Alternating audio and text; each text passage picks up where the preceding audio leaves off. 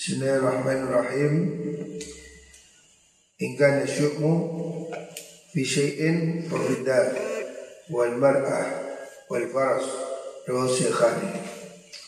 Bismillahirrahmanirrahim. Qala Rasulullah sallallahu alaihi wasallam Ingkana syukmu fi syai'in. Lamun ono apa syukmu Allah. Siap. Iku fi syai'in dalam suci-wici Seandainya kesialan itu ada Atau syukmun itu ketidakberkahan. Kalau terjadi sesuatu yang kurang berkah itu ya Ada walaupun tidak semua. Fafidar iku dalam omah. Ada rumah yang tidak berkah.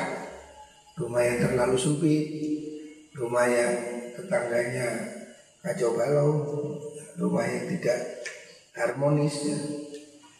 Rumah kadang membuat orang jadi nggak happy. Wal mar'ati lan bojo wadon. Begitu juga istri. Istri ini kalau salah pilih rumah tangga nggak nggak enak, nggak beres ya. Wal farosilan jalan. Jalan itu kuda tunggangan kendaraan. Kalau hari ini ya Toyota. Zaman dahulu kuda. Kendaraan bisa jadi orang merasa nggak enak kalau tidak cepat tidak berfungsi dengan baik atau tidak dibuat dulu jihad fi sabilillah. Rawahu In ahbabtum ayyuhibbukumullah ta'ala wa rasuluh fa'addu ila mintum. In ahbabtum lamun temen sira kabeh ayyuhibbukum ing yen demen cintakum ing sira kabeh sinten Allah Gusti Allah kalau kamu ingin dicintai Allah Ta'ala Rasulullah Allah Wa Rasulullah utusan Allah. Kalau kamu ingin dicintai Allah dan Rasulnya Ini caranya. Fa'addu idha tumintum Fa'addu mongkon nekana nasirah kabeh. Idha tumintum nalikani dan percaya sirah kabeh kalau kamu ingin dicintai Allah dan Rasulullah Pertama jaga amanah. Kamu jangan menyia-nyiakan kepercayaan. Kalau kamu diberi tugas Diberi tanggung jawab Lakukan ya sebaik-baiknya. Jangan sampai membuat orang kecewa ya. Jangan mengecewakan orang yang telah mempercayai kamu. Itu akan fatal. Hidup ini kamu akan berkembang maju selama masih ada kepercayaan. Tapi kalau tidak ada kepercayaan, sepinter apa pun tidak banyak fungsinya. Jadi yang akan memuliakan hidupmu ini bukan pengetahuan, bukan ilmu, tapi tingkahmu, sikap hidupmu.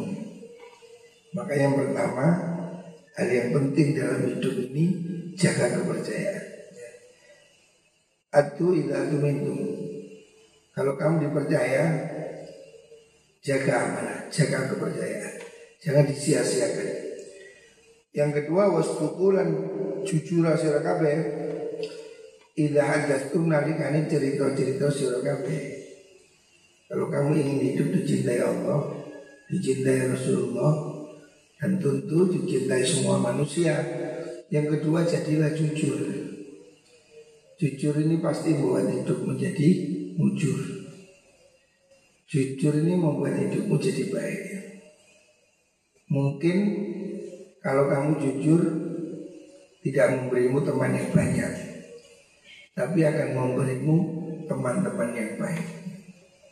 Makanya jujur ini penting, faktor penting dalam hidup ini kejujuran. Kalau tidak ada kejujuran, tidak ada kepercayaan. Tidak ada bisnis. Orang bisa bekerja Bisa bisnis Kalau ada kepercayaan. Kalau ada kejujuran. Makanya konsep pentingnya dalam sukses Itu pertama itu kejujuran. Kalau kamu sudah gagal dalam kejujuran Maka semua yang kamu miliki tidak ada artinya. Pinter pun kamu seperti apa pun kalau kamu tidak jujur orang tidak ada kepercayaan jadi jujur ini faktor penting. Ada 20 faktor sukses yang diteliti oleh para pakar di dunia ini. Yang pertama adalah jujur. Karena orang menjadi nyaman. Kita ini berhubungan dengan siapa pun itu kan perlu nyaman. Itu bisnis, itu kerja, itu apa pun. Kejujuran itu pentingnya. Makanya kalau kamu ingin dicintai Allah dan dicintai Rasulullah, jadilah orang jujur. Wa ahsinu lan bagusana sira kabeh jiwa roman ing tetangga tetangga bertetangga wong jawaro kang nyandingi sapa man kum ing sira kabeh berbaiklah dengan tetangga manusia ini tidak bisa hidup sendiri ya. kita ini masih perlu di makhluk sosial kita ini penting bisa beradaptasi dengan lingkungan kita Makanya hati-hati jaga hubungan dengan masyarakat sekitar. Di mana pun ini, di pondok sekarang, di rumah, kamu harus bisa menghargai orang yang ada di sekelilingmu. Makanya Rasulullah SAW itu sangat memperhatikan tetangga, hak tetangga, walaupun non Muslim. Dan Al-Quran pun menyebutkan hak tetangga itu wal jari bil kurba wal jari bil junubi tetangga dekat tetangga kerabat jadi Al-Quran menghitung hak tetangga ini tetangga ini sampai 40 rumah di sekitar rumah kita ada hak mereka untuk menjadi aman menjadi tenang ya. jangan mengganggu tetanggamu walaupun itu dengan bau yang tidak menyenangkan Makanya Rasulullah SAW mengajarkan kalau kamu bikin sop soto, hendaknya kamu perbanyak kuahnya. Kenapa? Supaya kamu bisa berbagi dengan tetanggamu. Jadi berbaik dengan tetangga ini bagian dari indikator iman. Orang yang iman pada Allah dan hari akhir hendaknya dia menghormati tetangga. Makanya bertetangga ini salah satu unsur faktor hidup bahagia. Kalau tetangga kita baik, hidup kita jadi tenang. Tapi kalau tetangga kita nggak baik, ya kita akan terganggu. Begitu juga orang lain. Ya. Makanya ada satu pepatah, aljar kobledar. Pilih tetangga sebelum pilih rumah. Nah tetangga ini akan sangat berpengaruh. Psikologis pada kenyamanan, keamanan Jangan kamu memilih lingkungan yang jelek. Hanya hidup di komplek BTS susah. Jadi nonton menor-menor kacau. Makanya pilih tetangga yang baik. Pilih teman yang baik. Ruang Tobrani ini tum lamun puasa sira kabeh. Selanjutnya ini tum lamun puasa sira kabeh. Ini antuk siru ing yen to ngakehno sira kabeh. Antuk siru ing yen to ngakehno sira kabeh. Ngakehno minal istighfar saking istighfar kalau kamu bisa memperbanyak istighfar mohon ampun pada Allah Faf'alu mongko nglakonana sira kabeh. Lakukan. Fa inna usni kelakuan iku laisa ora apa sing cuci-cuci anjah kang luwih nyelametaken indallahi munggui Allah indah mengersani Allah taala wala habbalan orang kang luwih kemenaken ilahi maring Allah minhu sangi istighfar. Rawal hakim kalau kamu bisa memperbanyak istighfar, perbanyaknya setiap hari, setelah sholat, sebelum sholat, dalam waktu-waktu seperti ini, perbanyak kamu membaca istighfar. Istighfar itu akan membuka banyak pintu yang tertutupnya. Istaghfiru rabbakum innahu kana ghafar. Mohonlah ampun pada Allah Maha Pengampunnya. Yursil sama alaikum midrar. Kalau kamu banyak istighfar, Allah akan turunkan hujan deras. Ini simbol dari rezeki. Hujan deras itu kan menumbuhkan tanaman-tanaman.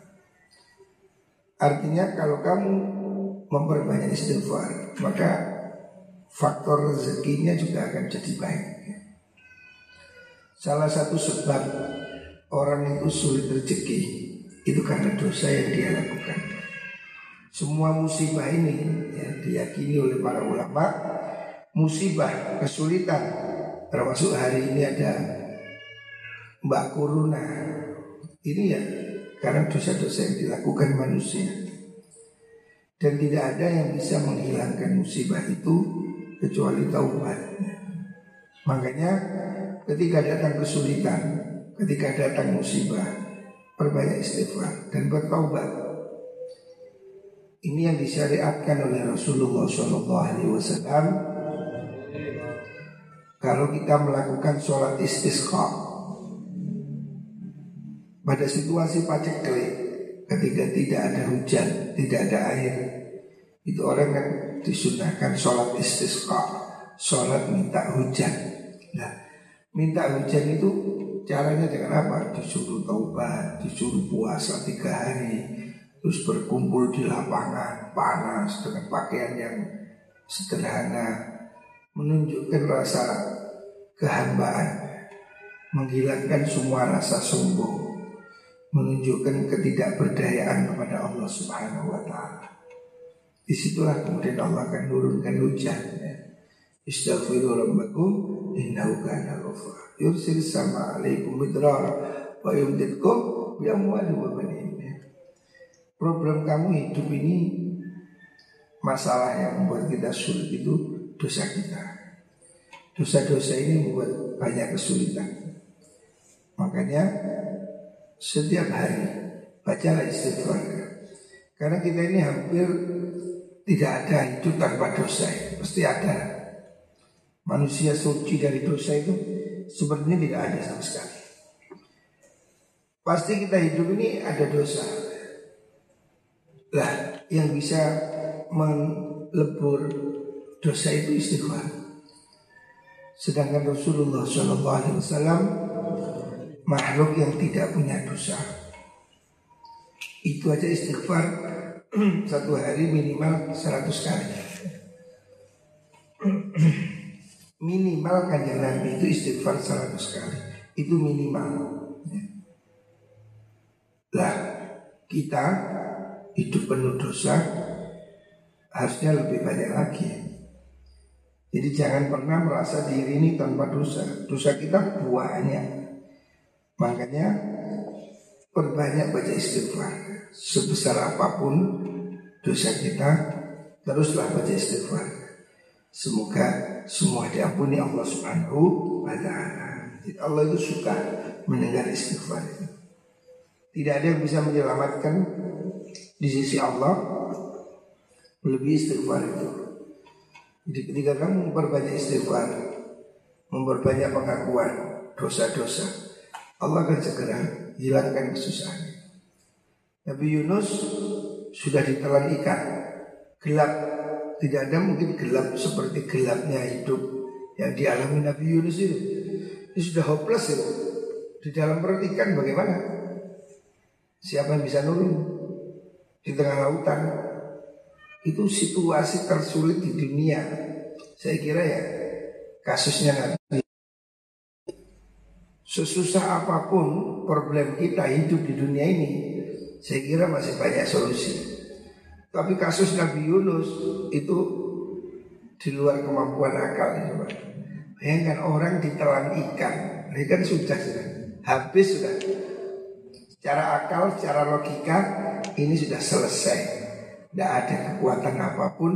Bagaimana bisa mengeluarkan dari mulut ikan?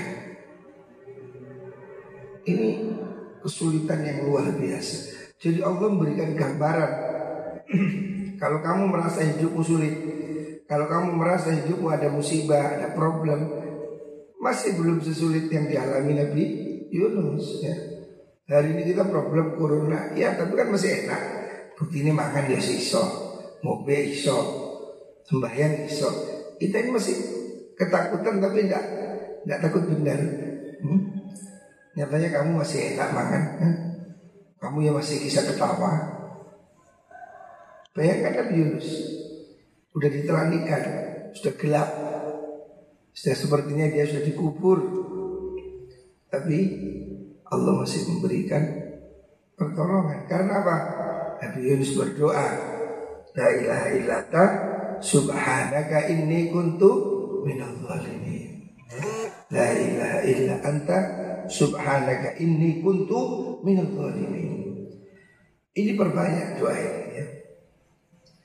Nabi Yunus yang sudah gelap di dalam perut ikan Allah muntahkan Problem kita Corona hari ini Tidak sedahsyat itu.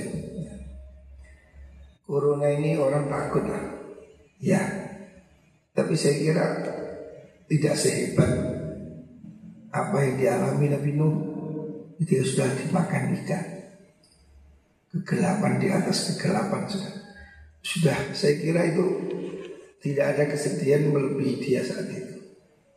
Kita ini sesulit apa pun problem hidup kita, tapi masih ada teman, masih ada saudara, masih ada keluarga, masih bisa telepon, masih bisa curhat.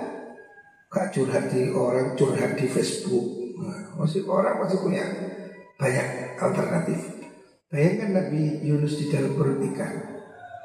Ini kegelapan yang di atas kegelapan sudah. Tapi nyatanya Allah selamatkan dia kan. Allah keluarkan dari kesulitan itu. Di sini kita harus punya optimisme. Sesulit apa pun hidup ini, ya. segelap apa pun, pasti inna ma'al usri yusra. Allah sudah mengatakan inna ma'al bersama, ya. bukan setelah, bukan ba'da ma'al ma'al usri yusra.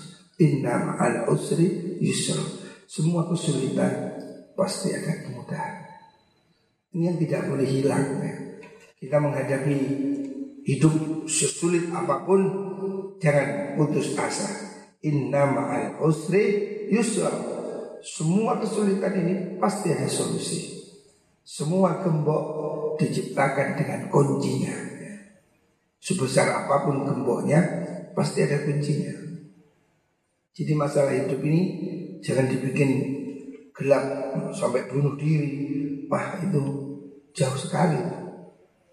Hari ini di Jepang ada gelombang bunuh diri karena tidak ada iman.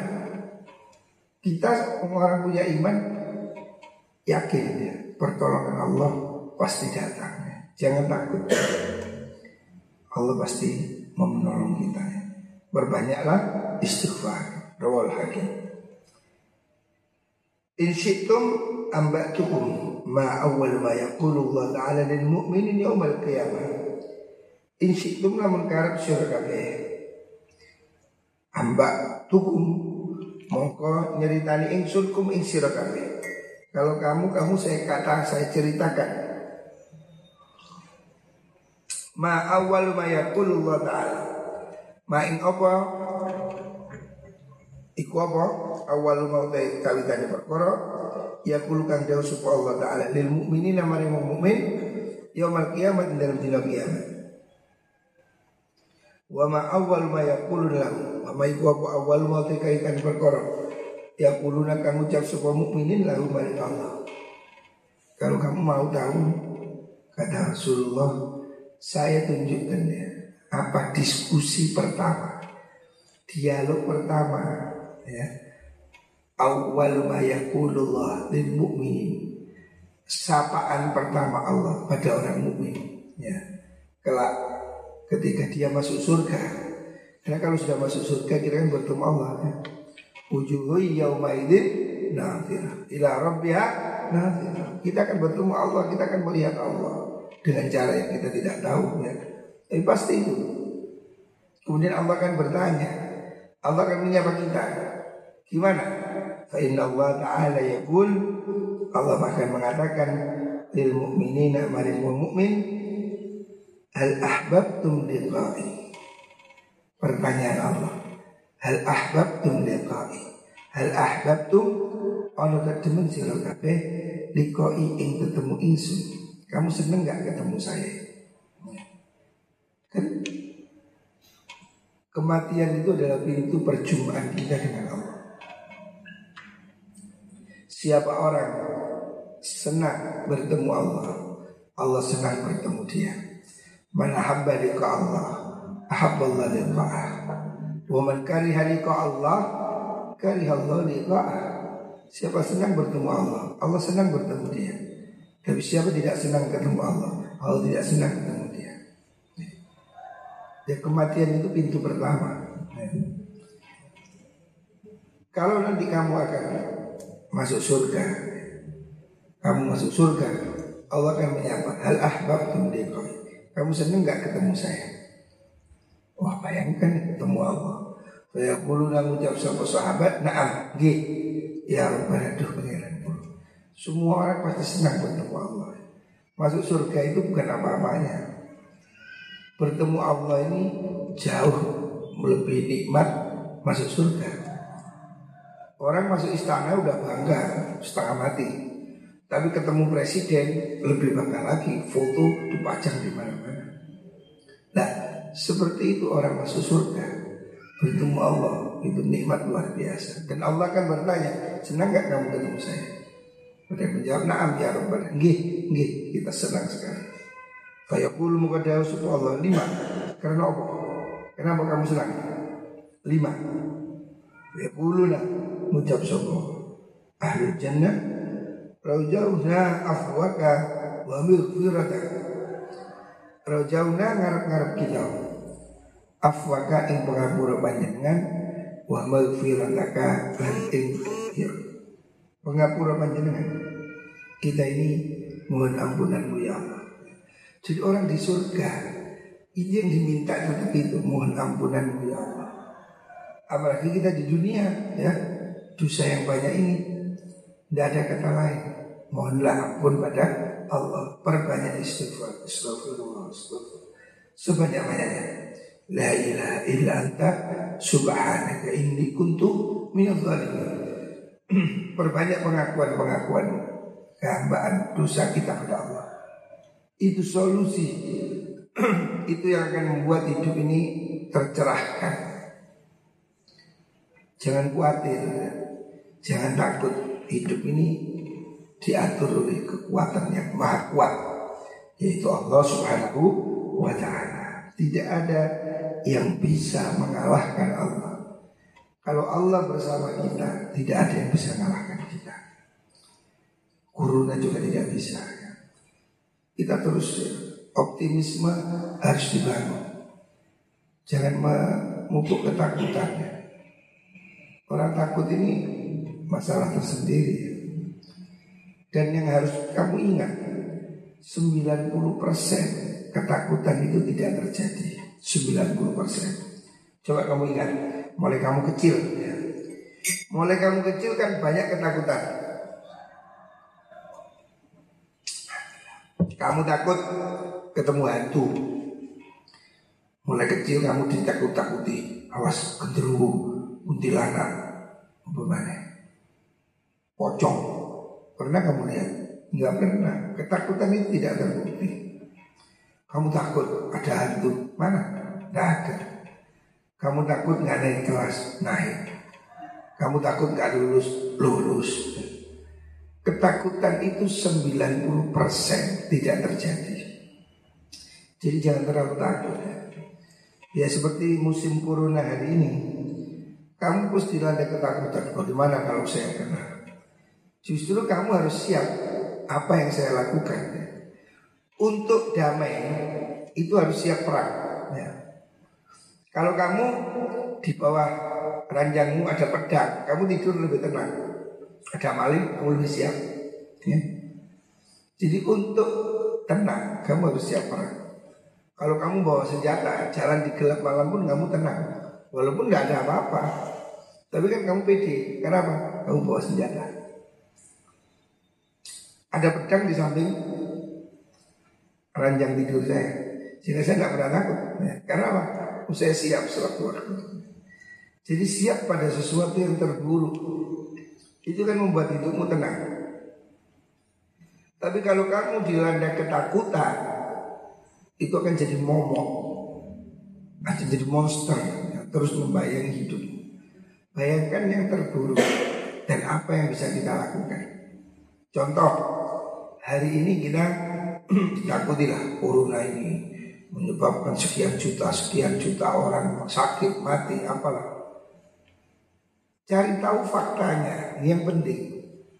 Faktanya gimana? Faktanya orang kena corona ini mati apa enggak? Cari faktanya. Saya menelpon teman saya, dosen UM yang terkena corona. Saya telepon, saya tanya, bagaimana Pak? Kena corona ini apa yang Anda rasakan? Saya tanya faktanya. Oh dia mengatakan saya uh, merasa begini apa sakitnya, apa yang anda lakukan. Sehingga saya bisa mengukur, oh kalau seandainya, seandainya kita kena corona, apa yang harus kita lakukan. Jadi bersiaplah untuk yang terburuk, sehingga kita tenang. Kalau tidak, kamu akan hidup dalam ketakutan. Ya. Jadi kamu harus siap. Kalau terburuknya apa sih? Ya. Siaplah sesuatu yang paling buruk. Santri ini diajari untuk hidup melarat, siap melarat. Suki, alhamdulillah. Ya. Tapi kalau kamu siap kaya, miskin, stres dong. Kadung siap kaya, kaya kemelindi, kadung duit. Wah, memang Orang siap miskin, kita siap miskin, mondok hidup sederhana. Kalau ditakdir kaya, alhamdulillah kita siapnya miskin. Nah, corona ini orang sebetulnya harus siap pada yang terburuk. Kalau saya kena, apa yang harus saya lakukan? Media sekarang ini kan nggak adil. Yang dikabarkan orang sakit bergelimpangan, kayak dia orang sakit berjalan-jalan. Bukan orang, oh, bergelimpangan, mayat di jalan-jalan. Waduh, orang selalu dicakup takuti dengan sesuatu yang membuat orang ini supaya bingung. Dan itulah berita. Berita itu selalu memberi gambaran yang menakutkan. Sesungguhnya harusnya kita itu mendengar yang lebih baik. Bagaimana orang kena corona itu? Seperti apa? Obatnya apa? Sembuh dengan cara apa faktanya 94% orang kena corona ini sembuh Berarti kan jauh. Soalnya 50-50 kita boleh takut. 94 persen orang kena corona ini sembuh. 6 persen itu yang fatal itu pun tidak semua mati. Mungkin hanya 2 persen. Sehingga kita harus siap ya. Siaplah sesuatu yang paling buruk dalam hidup ini sehingga kita mengantisipasinya. Corona ini kalau kamu membayangkan bagaimana, bagaimana takut kamu, Diamlah kamu di dalam sumur Ketemu orang takut Belanja ke pasar takut Makan takut Semua ada corona Terus kamu ke mana? Siapkan sesuatu yang terburuk ya. Cari faktanya Apa sih faktanya? Corona ini seperti apa sih? Cari kabar yang positif Saya menghubungi dokter yang merawat orang di Temboro. Temboro ini pesantren yang jadi korban Covid ada klaster Temboro. Ratusan orang kena di Magetan. Saya mencari info Gimana santri kena corona bagaimana. Kemudian saya bisa kontak sama dokternya. Saya tanya Pak dokter apa yang anda rasakan dengan corona itu? Dokter mengatakan saya mengalami kena corona. Jadi dokternya yang menangani itu kena. Karena dia tidak punya APD yang standar. Kena. Apa dok yang anda laksanakan? Apa yang anda rasakan? Oh saya merasa demam. Terus kehilangan rasa Bau perasa hilang. Terus batuk ya sesak sedikit ya. Berapa hari? Empat hari. Setelah itu sembuh. Dirawat rumah sakit? Enggak. Apa yang Anda minum? Oh saya kalau panas minum ini, batuk minum ini, saya minum madu, saya minum vitamin C, vitamin ini. Sehingga kita punya gambaran. Oh kalau saya kalau kena, saya harus melakukan ini gitu. Jangan kamu terus takut, takut, takut ya, tidak menyelesaikan masalah. Hah? Ketakutan itu membunuhmu. Jadi ada ada diskusi ulama ya dalam satu kitab tentang wabah pandemi yang terjadi di Baghdad. Ada orang datang lihat untuk pandemi itu seperti makhluk hidup. Anjing itu kan pasukan Tuhan kan. Dia bilang kamu mau masuk ke mana ke Baghdad? Kamu mau ngambil berapa? Lima ribu orang kurbannya. Ternyata yang mati jauh lebih banyak. Loh, kamu kok ngambil lebih banyak? Enggak, yang saya ambil lima ribu. Selebihnya mati sendiri ketakutan. Jadi yang mati sendiri ketakutan lebih banyak. Jadi orang ini ketakutan bisa mati. Makanya tidak perlu takut. Waspada, ya. Tapi jangan takut berlebihan. Faktanya banyak yang sembuh. Faktanya banyak yang sehat. Jadi kita ini harus pelajari faktanya. Apa sih faktanya apa? Jangan percaya wak wak wak. Nah, percaya faktanya gimana? Saya ada teman suaminya positif swab positif. Saya tanya bagaimana suamimu? Oh iya Gus ada di rumah. Enggak ke rumah sakit enggak. Sakitnya apa? Begini. Berapa hari? Sekian hari. Hari ini baik. Apa yang dia lakukan? Sehingga kita punya pikiran positif. Oh kalau kena covid kita harus begini. Ini menjaganya bagaimana? Kita kemudian diskusi ya supaya pikiran kita positif. Oh supaya tidak corona apa? Antibody imun. Maka gimana? Jangan begadang. Ya. Kamu saya ingatkan, kamu kalau malam begadang-begadang itu bahaya. Itu bisa membunuhmu. Karena kamu kalau malam hari tidak tidur, antibodinya, kekuatan tubuhnya melemah. Jadi tubuh kita ini sudah diatur siklusnya oleh Tuhan ya. Allah sudah menciptakan siklus ya waktu tidur ya. Wajah al nahara Wajah al laila pribasa. Malam itu selimut turun, siang kerja. Hidup tidak sehat ketika kamu malam begadang itu hidupmu tidak sehat organ-organ tubuhmu akan mengalami penurunan. Ya. Dan itu yang membuat antibodimu akan rusak. Dan itu kamu mudah kena penyakit. Jadi sekarang yang kita bisa lakukan istirahat yang cukup. Jangan begadang. Buat hatimu malam hari, buang jauh-jauh, tidur. Untuk kesehatanmu. Malam segera tidur, pagi segera bangun. Ya. Tahajud, tahajud itu obat. Tahajud itu obat. Tahajud, baca Al-Quran, zikir, olahraga, minum vitamin. Ini bisa kita lakukan. Ya. Kita tidak tahu corona ini sampai atau enggak, tapi kita harus punya persiapan. Ya. Tapi kalau kamu sudah hidup enggak tertib, malam begadang, keluyuran, ya, kamu cari celaka. Jaga dirimu sendiri ya. Jangan mencelakakan dirimu sendiri. Fayaqulu dawu sapa Allah aujabtu lakum afwi wa maghfirati Kata Allah Karena kamu minta ampunanku Maka Qad aujabtu Teman netepaken ingsun Lakum maring sira kabeh Afwi ing pengapura ingsun Wa maghfirati lan tegese ing pengapura ingsun Rawahu Tabrani dan mu'ah. Jadi ampunan Allah yang penting. Makanya jangan berhenti setiap terutama di waktu sahur, waktu tahajud itu perbanyak istighfar. Wabil ashar itu istighfiru. Istighfar. Mohon ampun pada Allah. Solusi hidup ini, semua kesulitan hidup ini hanya bisa diangkat oleh Allah. Hanya ada satu tangan yang mampu mengangkat kesedihan hidupmu. Siapa? Allah, tidak ada yang lain. Ya.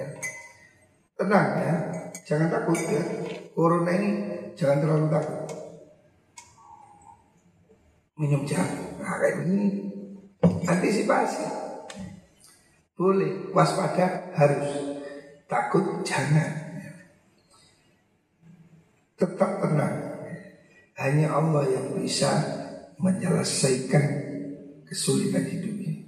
Hanya tangan Allah yang bisa mengangkat kegelapan hidup. Percaya pada Allah. Jangan jadi takut.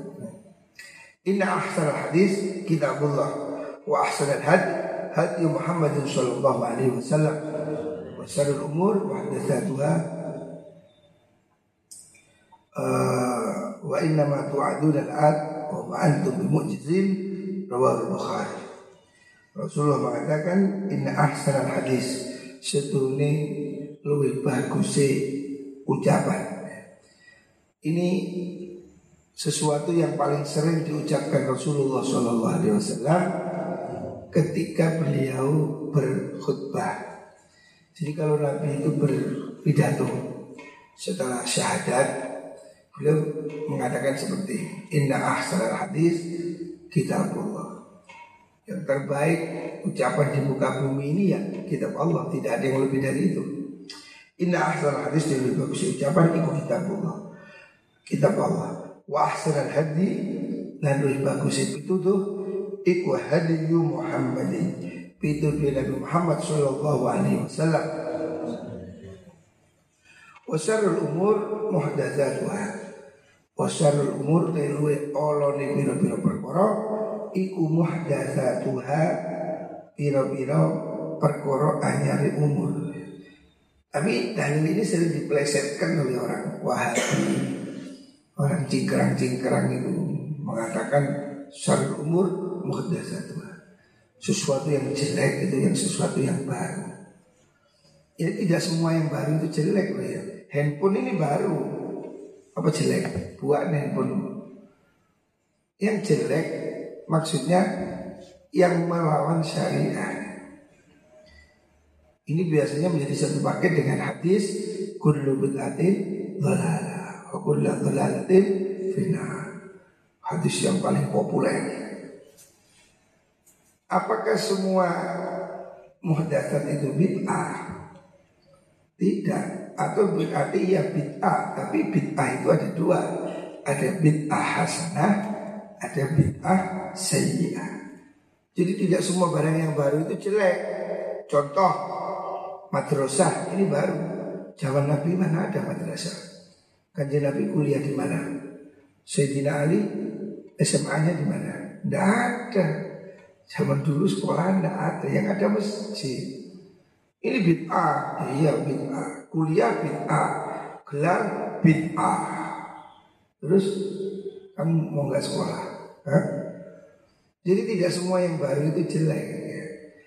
Yang dimaksud adalah bid'ah yang sayyi'ah atau bid'ah yang dolalah. Bid'ah itu sesuatu yang baru diciptakan tanpa contoh itu bid'ah. Bid'ah itu sesuatu yang belum ada pada zaman Rasulullah SAW. Kalau sesuatu itu tidak ada dasarnya dalam syariat itu bid'ah. Tapi kalau itu ada dasarnya, contoh tahlilan, apa yang kita baca fatihah boleh nggak? Boleh. Baca yasin boleh. Emang tahlilan baca apa? Misu-misu lah. Hah? Tahlilan kok jarang-jarang kekek ketek ngomong orang. Mana ada orang tahlilan ngomong jorok-jorok? Hah? Mana orang tahlilan matamu, dasmu, mana tidak ada. Tahlilan itu apa sih? Bacaan la ilaha illallah. Terus yang bid'ah yang mana? Hah? Mendoakan orang mati Bid'ah Nabi mendoakan orang mati. Nabi juga sholat jenazah Doakan orang mati itu. Apanya yang bid'ah? Jadi banyak orang yang salah paham. Bid'ah itu yang dimaksud bid'ah yang jelek. Bid'ah yang tidak ada dasar dalam syariah. Imam Syafi'i mengatakan bid'ah itu bid'atan. Bid'ah itu ada dua. Ada mahmudah, ada mazmumah Ada bid'ah yang bagus, ada yang jelek. Yang bid'ah mengikuti sunnah, maksudnya tidak melawan syariat, itu mahmudah. Jadi tidak ada semua bid'ah jelek, mobil ada bid'ah. Oh itu kan mobil, terus ini ibadah, ya wis khutbah bahasa Indonesia itu bid'ah. Panjang Nabi tahu nggak khutbah bahasa Indonesia? Oh no. Nah terus masjid-masjidmu kok khutbah bahasa Indonesia bid'ah itu. Jadi tidak semua bid'ah itu jelek. Penjara itu bid'ah zaman Nabi karena penjara. Hmm? Rumah sakit bid'ah. Nabi pernah masuk rumah sakit? Tidak ada. Vaksin-vaksin, suntik-suntik bid'ah semua. Apa itu jelek? Tidak.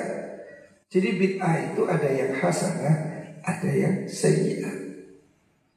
Sesuatu yang baru ini dua Melawan syariah Melawan kitab atau sunnah Atau ijma Atau tidak. Kalau bid'ah itu melawan syariah Contoh Sholat sambil joget. Nah ini jelas. Baca Quran diiringi musik. Nah ini jelas. Sesuatu yang tidak ada. Tetapi kalau kamu tahlilan Maulid tiba apa yang salah?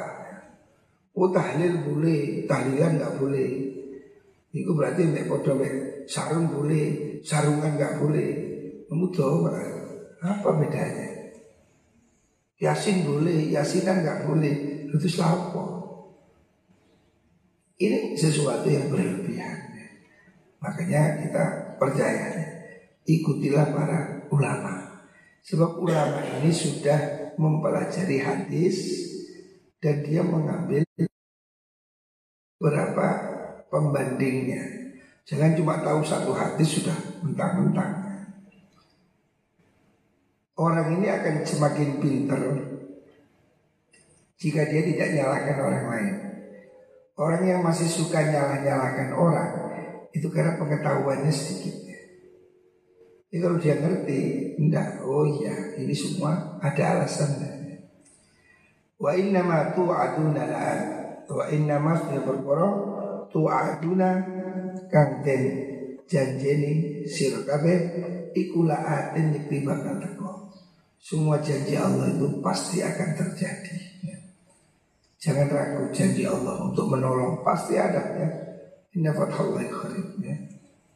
Allah pasti menolong kita Janji Allah itu dekat ya. Pasti terjadi ya. Wa ma antum bimu'jizin Wa ma antum orang di surah kabeh Iku bimu'jizina kelalu kang ngapsakan Artinya kamu ini tidak bisa kan Menghalang-halangi kamu tidak bisa ya. Semua yang dilakukan Allah Takdir Allah pasti terjadi Tidak ada sesuatu pun yang bisa melawan kehendak Allah Manusia boleh lari dari pengadilan manusia tapi dia tidak bisa lari dari pengadilan Allah Subhanahu wa taala. Corona ini mungkin sulit bagi manusia, tapi bagi Allah tidak ada yang sulit. Allah menyelamatkan Nabi Ibrahim dari api, tidak sulit. Logikanya api panas. Nabi Ibrahim kedinginan. Loh. Ini ada kekuatan yang lebih kuat dari apa yang ada pada tangan manusia. Makanya musibah hari ini jangan membuat kita takut, tapi membuat kita taubat. Ya. Ayo, ini peringatan dari Allah bahwa manusia sehebat apa pun kalah sama virus. Virus itu kecil, ya. tidak terlihat. Makanya kita suruh pakai masker, tidak kelihatan virus kecil sekali tapi mematikan atau membahayakan. Tidak ada kekuatan yang melebihi kekuatan Allah Subhanahu wa taala. Virus ini kan dia dari Allah. Yang bisa menghilangkan Allah pasti. Jangan dikira Allah walan menghadapi virus. Enggak. Allah pasti bisa ya. Tidak ada yang sulit bagi Allah Subhanahu wa taala. Muka-muka ini semua bisa segera diakhiri oleh Allah Subhanahu wa taala. Makanya setiap hari ini setelah ngaji kita baca rotib bersama-sama ya. Kita baca rotib rotibul haddad. Semoga dibentengi Allah dari semua musibah.